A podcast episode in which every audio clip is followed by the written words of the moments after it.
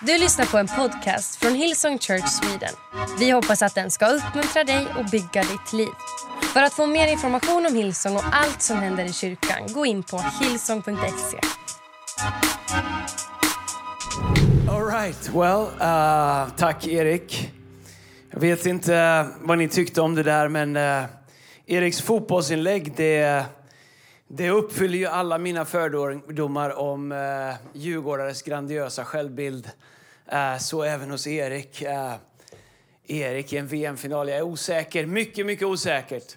Däremot så eh, dras jag till minnes om VM 86. Det ger bort någonting om åldern i Mexiko.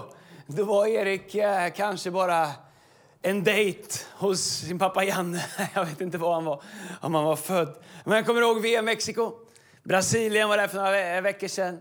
Eh, Kareka, Sokrates, Falcao, Zico. Oj, oj, oj. Det var när fotboll var som bäst. Men vi är inte här för att prata fotboll.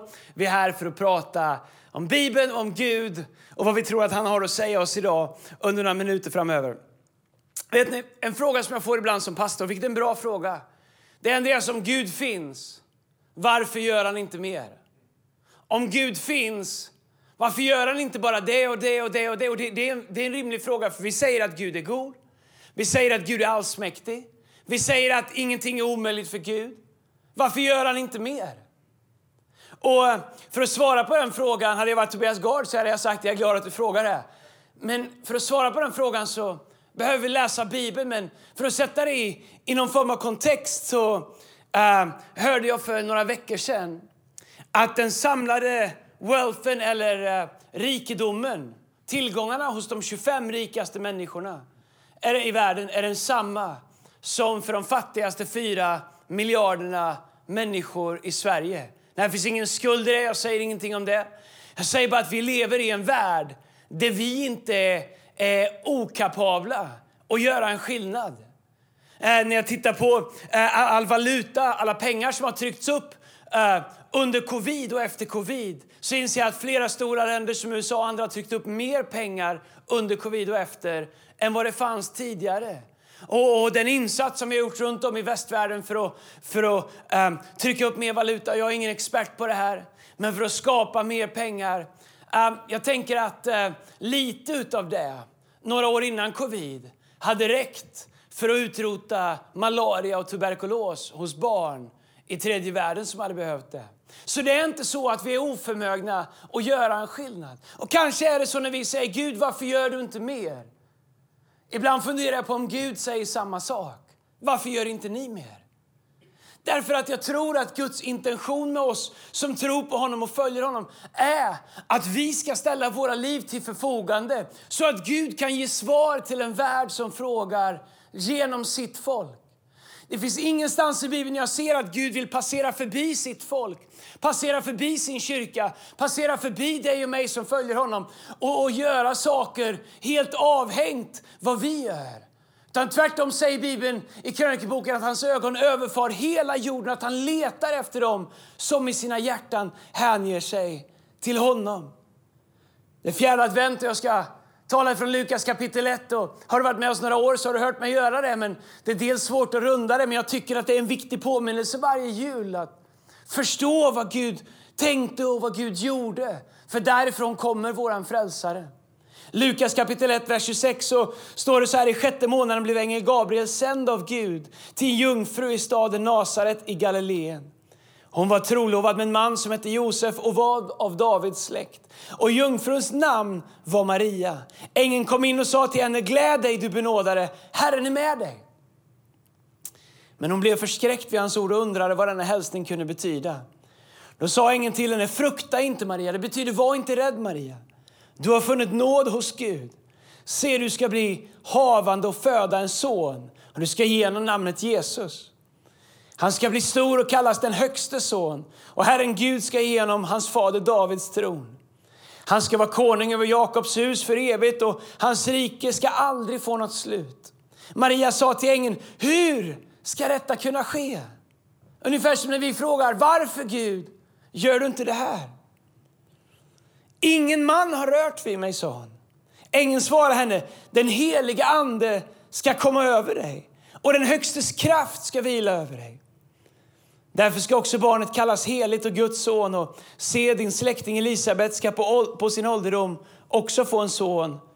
Och som han sagt, eh, hon som han sagt är ofruktsam. Hon är nu i sjätte månaden, ty för Gud är inget omöjligt. Maria sa, jag är Herrens tjänarinna. Må det ske med mig som du har sagt. Och så lämnade ängeln henne. Jag vet inte om du kan sätta dig in i den här situationen. Maria är en ung tonåring som Gud kommer och lägger det här stora uppdraget i. I en plats och en kultur och en tid i världshistorien där hela Israels folk frågar Gud varför gör du inte mer?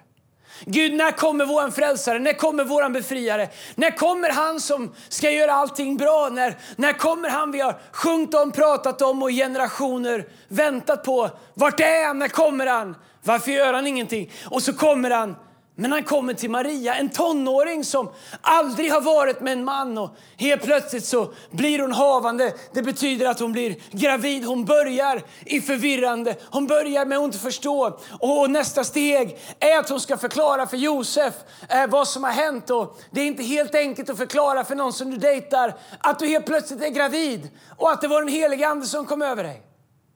Maria började missförstådd av Josef. Jag var på, på ett köpcenter för ett tag sedan och jag såg en som hade en Brynäs t-shirt på sig. En hockeyklubb. Och jag skulle skoja med honom lite och jag sa, du har fått något skit på tröjan. Och han tittade överallt vad det var och han eh, såg inte riktigt. Han tittade vart jag sa, det är lite längre ner. Och han tittade överallt och, och, och så, så, så, så sa där är det. Och så pekade jag på klubbemblemet. Jag ber om ursäkt, alla brynäsare. Han tyckte inte det var roligt. Ingen, inte något roligt tyckte han det var. Jag kände mig så missförstådd. Jag kände mig som Maria. Fast kanske var det för, värre för henne när hon skulle säga att jag är gravid. Och en ängel har gjort det. När du kommer hem gravid till din pojkvän som du dejtar så kommer inte argumentet att en ängel gjorde det hålla. Det är i stort sett bara Josef och en gång i världshistorien som går med på det. Men Maria börjar i det omöjliga. Gud gör det omöjliga och sänder han som vi har väntat på. Och han startar med omöjliga eh, förutsättningarna och han gör det på ett omöjligt sätt. Och det hade varit enkelt för Maria att ge upp när hon behövde det som mest. För att de som var runt henne inte förstod och såg att det var Gud. Kanske är det så när vi räcker upp handen till Gud och säger Gud, den skillnaden jag ber om att du ska göra Gud, om du kan använda mig så använd mig. Jag har gjort det många gånger och varje gång jag gör det så tänker jag direkt, men det måste finnas bättre än mig. Varje gång jag gör det så blir jag påminn av omgivningen om att jag inte har det som krävs eller att jag saknar färger på min palett för att vara den personen. Men inte mindre så har jag valt att lyfta min hand som så många andra och säga Gud, om du kan använda mig så är jag villig. Men Gud talade till Josef och på samma sätt så kommer Gud Arbeta för att de människor du behöver för att göra Guds vilja och följa hans uppdrag kommer förstå och hjälpa dig, även om de inte gör det först. Och på samma sätt som Maria bar Guds svar och Guds löfte till världen så kan du bli en bärare av Guds svar och Guds löften till den här världen. Så när vi säger Gud, vart är du? Gud, varför gör du inte mer? Så är det Guds intention att vi, Kristi kropp, vi som är medarbetare till Kristus, vi som är delar i hans kropp, att vi ska vara det synliga uttrycket och det synliga svaret på människors och på världens fråga. Gud, varför gör du inte mer? Men när vi blir tysta, när vi blir inaktiva, när vi blir självupptagna och när vi nöjer oss med att hålla på med det som är vårt eget så ekar mänsklighetens fråga om Gud, varför griper du inte in? Den ekar tom. Därför att de som Gud vill använda antingen diskvalificerar sig själva eller har trott att välsignelsen Gud ger är bara för att bygga vårt eget liv eller för att vi inte vill bli missförstådda eller för att vi inte blir, blir misstrodda som Maria Elia blev.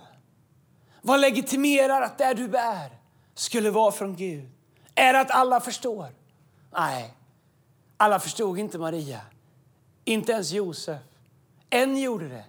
Elisabet, hennes nära släkting, som Gud också hade gjort ett mirakel i. Hon som väntade Johannes, som vi kallar för döparen, Jesus kusin.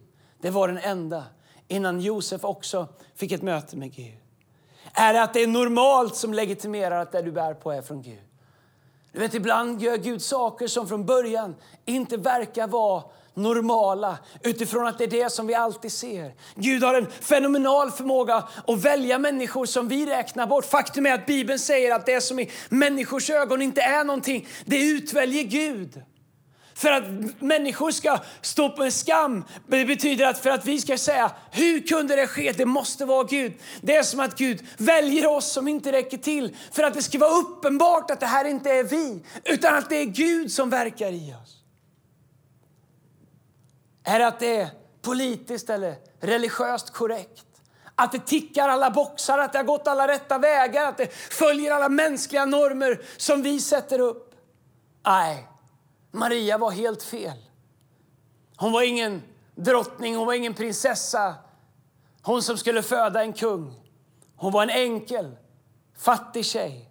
Ingen rik kvinna från en kejsares hus. Hon var en ung, ogift tonåring som hävdar att en ängel har gjort henne gravid. Ändå får hon bära fram världens frälsare. Jag funderar på vad är det som gör oss till bärare av Guds övernaturliga löften i våra liv.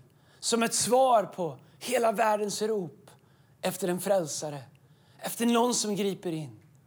Vår pastor Jura i eh, Hillsong, Ukraina, pratar med honom nästan dagligen. Vi har haft som kyrka förmånen att få hjälpa dem extra mycket de sista veckorna. Det är väldigt, väldigt tufft för dem där just nu. Vi måste komma ihåg dem i våra böner. De är utan värme, utan vatten, utan el långa stunder, utan dagar och veckor. Vi har kunnat skicka över ett, som vi har pratat om, ett jättestort elkraftverk, ett dieselelkraftverk. Så att vi kan skapa värme, så att vi kan eh, driva kyrkan och den hjälp som vi gör där. Men du förstår, när jag hör honom säga Andreas, varför, varför, varför? Så har jag inga svar. Jag inser att vi har en hel värld som har äkta frågor och som längtar efter att få se Gud gripa in. Och om vi blir tysta och inaktiva och diskvalificerar oss själva så verkar det som att himlen är tyst medan Gud säger snälla folk, snälla mitt folk, låt mig få använda er. Diskvalificera er inte. Bli inte för självupptagna. Vänta inte på att få alla era svar och bönesvar innan ni tar ett steg av att bli någon annans bönesvar. Vad skulle hända om vi såg oss som bärare av Guds löfte till dem som längtar, till dem som ropar? Vad krävs? Vad behövs? Jag skrev ner några saker. Ingen av dem är perfektion. Ingen av dem är att vi är färdiga. Ingen av dem är att vi har raderat varje fråga, varje tvivel. Ingen av dem är att vi har en perfekt teologi där vi vet alla svar på allting. Nej, jag tror att det är andra, andra saker. Mycket mer praktiska, mycket mer mänskliga saker som Gud letar efter. Jag tror han letar efter fem saker. Jag tror han letar efter tillgänglighet. Att vi är tillgängliga. Vet du, tillgänglighet slår talang alla dagar i veckan. Gud han har tillräckligt med talang. Men får han någon som är tillgänglig, då kan han arbeta igenom dem. I Lukas som vi läste kapitel 1, vers 28 så står det att ängeln kom in till Maria och sa Gläd dig du benådade, Herren är med dig. Varför kom han till Maria? Därför att han visste att trots oron, trots rädsla, trots komplikationer av att skapa en förklaringsmodell av hennes graviditet så var hon tillgänglig. Han visste redan innan att hennes hjärta var tillgängligt. Han visste att han skulle behöva guida henne och trösta henne och prata med Josef och äh, använda Elisabet. Men han visste att hennes hjärta var tillgängligt. Hon var inte den vi hade valt, men Gud valde henne för att hennes hjärta var tillgängligt. Jag tänker, om våra hjärtan är tillgängliga, vad skulle Gud kunna använda oss till? Det andra som jag tror behövs är villighet. I nästa, eh, förlåt, samma kapitel, Lukas 1, vers 38, så står det att Maria sa, se, jag är Herrens tjänarinna. Hon blev inte det då, hon var redan det. Hon var tillgänglig och hon var villig. hon säger, må det ske med mig som du har sagt. Vet du, Jesus kommer aldrig göra någonting genom dig som du inte vill. Han kommer aldrig göra någonting genom dig som han inte kan. Allt han ber om att få göra är han kapabel att göra. Trots det så kommer han aldrig göra någonting som du inte vill. Eller som du inte är med på. Eller som du inte är villig till. Han kommer aldrig använda dig som han skulle kunna om du inte är villig. Vi ser Jesus igen och igen i Bibeln säga när han möter människor, vad vill du att jag ska göra för dig. Det tredje jag ser för att kunna vara en bärare av Guds löfte och ett svar till mänskligheten, det är vår mottaglighet. Vår mottaglighet för Guds impulser. Och Det här med att Gud talar till oss det skulle vi kunna prata om ända tills trettondagsafton och ännu längre.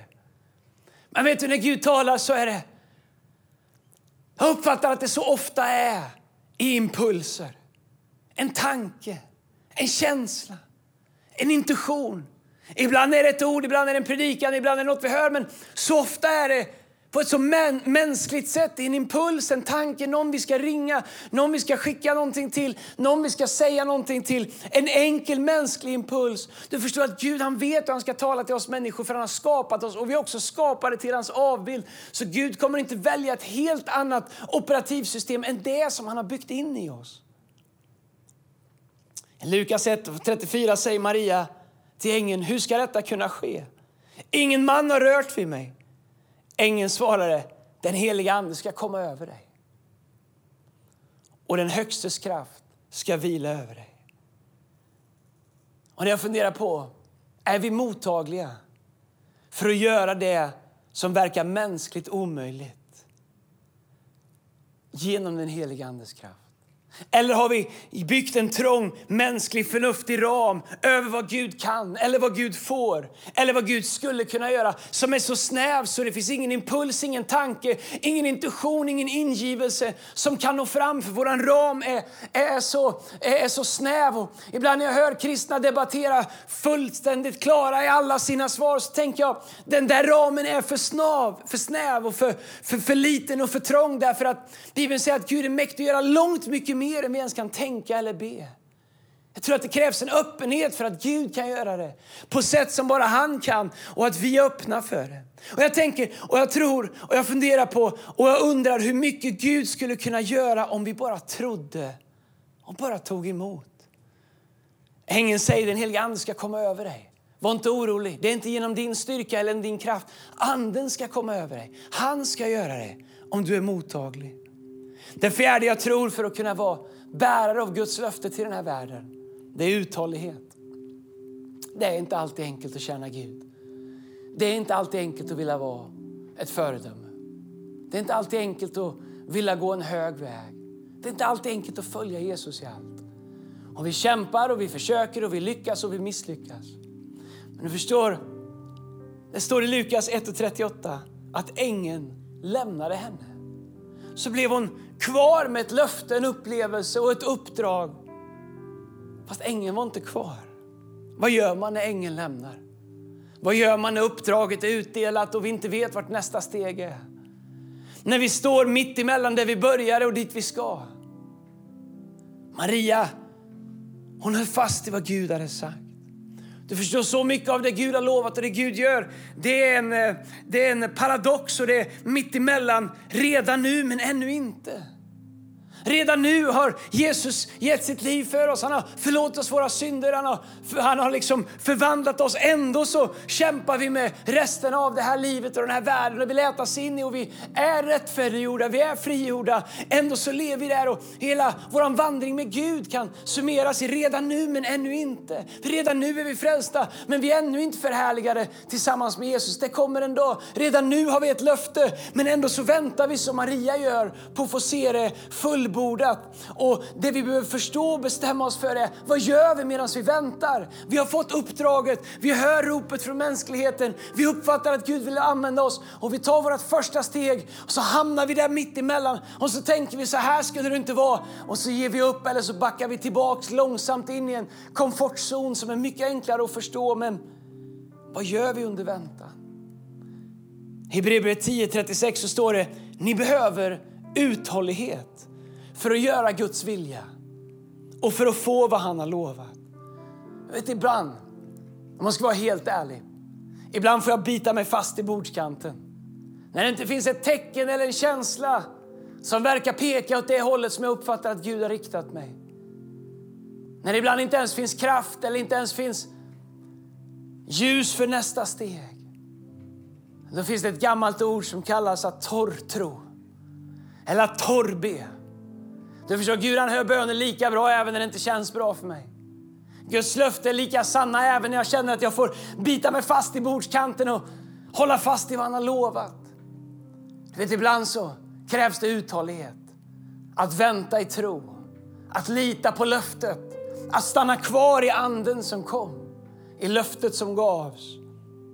Och det femte och det sista, det är tro. Maria valde att tro Gud om det han sa. I Lukas 1.37 så säger hon, ty för Gud är inget omöjligt. Eller rättare sagt, ängeln säger det. För Gud är inget omöjligt. Tänk på alla situationer och säsonger som Maria fick tro sig igenom innan Jesus blev vad ängeln hade sagt. Nio månaders graviditet av att bära någonting som andra kanske sa var en oäkting. Missförstådd. Beskyddade hon barnet i sin mage. Så fort barnet var fött så fick hon fly till Egypten för de ville döda barnet. Vad var det för löfte som Gud hade gett? 30 år av att förvalta Guds uppdrag med någon som bara verkade vara en vanlig människa. Skulle han verkligen bli Messias? Flera år efter löftet, efter han var född, så är det bara vardag. Jesus var ett barn som andra som växte upp. Han var en tonåring som andra. Det var 30 år av vardag. Ändå trodde hon höll fast i att det här var vad Gud hade sagt och en dag skulle hon få se fullbordan. Och inte bara hon. En dag skulle mänskligheten få se fullbordan av löftet som Gud gav som ett svar på mänsklighetens rop och längtan. På hela skapelsens rop och längtan av en frälsare. Men eftersom hon höll fast i det hon bar efter ängelns besök så firar vi idag att vi har fått en frälsare som visar oss villkorslös kärlek, evig kärlek, frid, tröst, hopp, mening och evigt liv.